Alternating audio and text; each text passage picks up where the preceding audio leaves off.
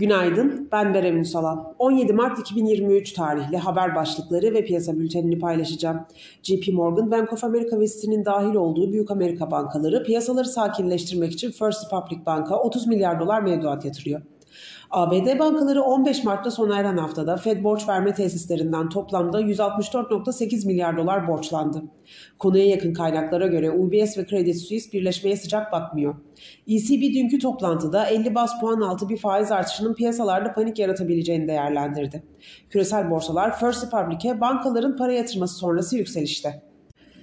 Piyasalara genel olarak bakacak olursak pay piyasalarında Açığa satış yasağının devam etmesi, sert düşüşlerde varlık fonunun borsa yatırım fonları üzerinden alım yapabileceği beklentisi ve seçime yönelik beklentiler endeksin kısa vadeli yükseliş trendini korumaya devam ediyor.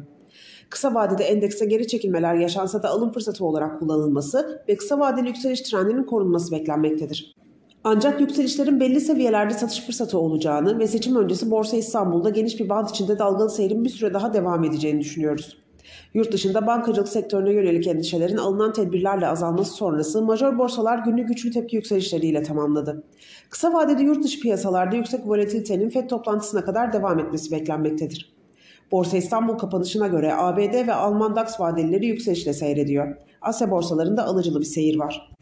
Teknik analiz verilerine bakacak olursak gün içinde 5180 ve altına gerileme alım fırsatı, 5350 ve üzerine yükseliş ise trade amaçlı satış fırsatı olarak takip edilebilir.